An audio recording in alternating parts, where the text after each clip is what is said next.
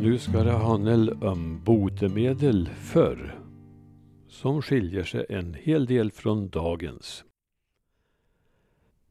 Nya Värmlandstidningen den 6 februari 2016. Det är ett och ett halvt sekel sedan den moderna organiserade sjukvården gjorde sitt intåg i Nordvärmland. Behandling med ramsor och hemgjorda medikamenter skulle rensas ut. Socknarna började utse vaccinatörer som ympade mot smittkoppor och en av Värmlands första distriktsläkartjänster inrättades i Dalby för de fem nordligaste socknarna. Det var 1862 eller 63 som provinsialläkare Valfrid Friberg anlände till Långav som distriktets första läkare. Fram till dess hade närmaste läkare funnits i Sunne. Till en början blev den nya läkaren inte mycket anlitad. Folk var vana att klara sjukvården med de gamla metoderna. När patienterna väl började strömma till kunde läkaren rapportera så här. Stor är deras svaghet för smörjor och även i de färskaste, renaste huggsår vill de gärna transportera in något som enligt deras åsikt skall påskynda läkningen. Deras elaka smörjor har sammansättningar alltför konstiga att kunna i skrift återgivas. Det var Fribergs omdöme. Också en barnmorska anställdes, men inte heller hon blev mycket anlitad till en början. Det fanns sedan tidigare duktiga kvinnor runt om i bygderna som brukade hjälpa barn till världen. Apotek byggdes i Långav året efter Valfrid Fribergs ankomst till Dalby och från 1871 förfogade han över en sjukstuga med 14 sjuksängar i samma by. I mitten av 1920-talet byggdes en större sjukstuga strax intill och 1936 gjordes en tillbyggnad med BB-avdelning. 1965 hade sjukstugan i Långav tjänat ut och den nya i Likenäs togs i bruk. Apoteket följde sjukstugan i flytten till Likenäs. Vårdcentralen finns ännu kvar men sjukstugan är nedlagd liksom en distriktsläkarmottagning som en tid fanns i Likenäs. Jourverksamheten är också borta och till kvälls och helgvård är det många mil. Gud förbjude att vi är på väg tillbaka till den tid då vården sköttes av kloka gummor och kringresande dilettanter.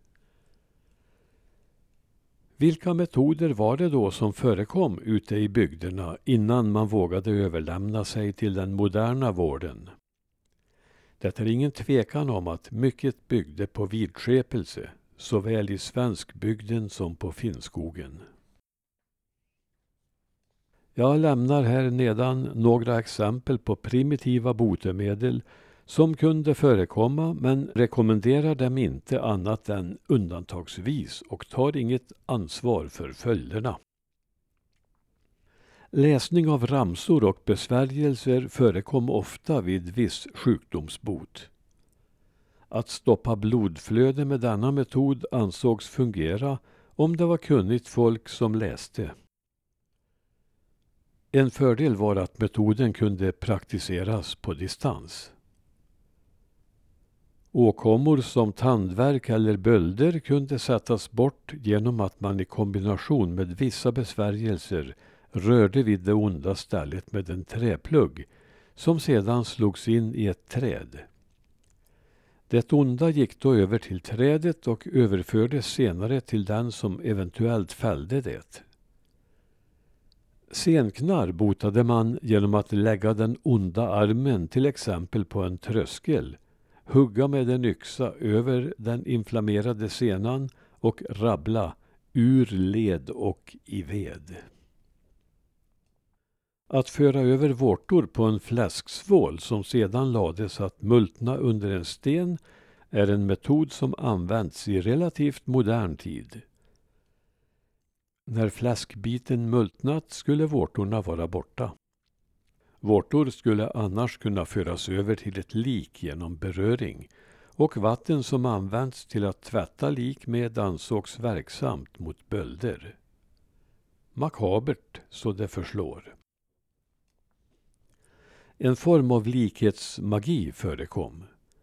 Exempelvis skulle man kunna bota gulsot genom att koka en gulsparv och äta upp den. Att ont skulle med ont fördrivas finns det många exempel på. Man skulle kunna bota struma om man lade en trasa om halsen men denna trasa skulle tidigare ha burits av en mördare. Att äta orm skulle hjälpa mot könssjukdomar, pepparbrännvin mot magont och pipolja i ögat skulle göra att man fick bättre syn. Aptitlöshet kom man till rätta med om man stack en brödbit genom ena sitthålet på utedasset och tog upp den genom det andra. Tre gånger skulle man göra så och sedan äta upp brödet. Då skulle aptiten återvända. Om man hade förstoppning gällde det att stoppa in gödsel i en gevärspipa och lägga geväret i en bäck som rann norrut. När vattnet spolat ur all dyngan skulle förstoppningen släppa. Metoderna var lika många som egendomliga men den bästa hjälpen var antagligen tron på att man skulle bli botad. I svårare fall, där inget annat hjälpte, kunde man ta bössan och skjuta ett skott mot Polstjärnan. Den metoden ansågs också särskilt bra mot tillfällig sinnesförvirring. Det kan tyckas att man måste ha varit rejält sinnesförvirrad innan man tillgrep en sådan metod. Förebyggande behandling, långt innan någon hade hört talas om vitaminer, kunde vara att dra små barn genom öglor som bildats i växande träd eller genom jordtunnlar. Särskilt skulle detta skydda mot engelska sjukan. För att undvika oönskad graviditet före p-pillrens och kondomernas tid skulle man riva mellan benen på flickan med en björnlabb. Metoden förutsatte antagligen att denna björnlabb var det enda man förde dit. Ett gamla dagars Viagra fungerade så att mannen klädde sig i kvinnans klänning och kröp sådan genom ett smöjträd, alltså ett träd med ögla.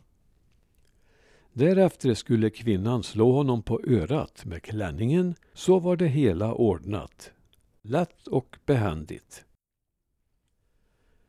Så kallat kunnigt folk från andra trakter kom ibland till norra Värmland med nya intressanta metoder. Dalmasen Tigerhjälm sade sig kunna bota så svåra sjukdomar som kräfta och metoden hette risterapi. En kvinna i Långav fick klä av sig allt utom den vänstra strumpan innan behandlingen påbörjades. Nog borde detta ha väckt en viss misstänksamhet mot den så kallade doktorn. Denne Tigerhjälm är omnämnd i distrikts och bruksläkare Konrad Hööks årsrapport från Uddeholm 1864. Kvacksalvare, en sådan vid namn Tigerhjälm anställer stundom strövtåg inom distriktet ehuru hans egentliga verkningskrets lär ligga inom Dalby och Nås distrikter. Han ordinerar stundom venena, till exempel tinkt, kantarid och hans för oinvigda ögon nästan oläsliga recepter har jag sett expedierade från Sunne apotek med påskrift ordinerat av herr doktor Tigerhjelm.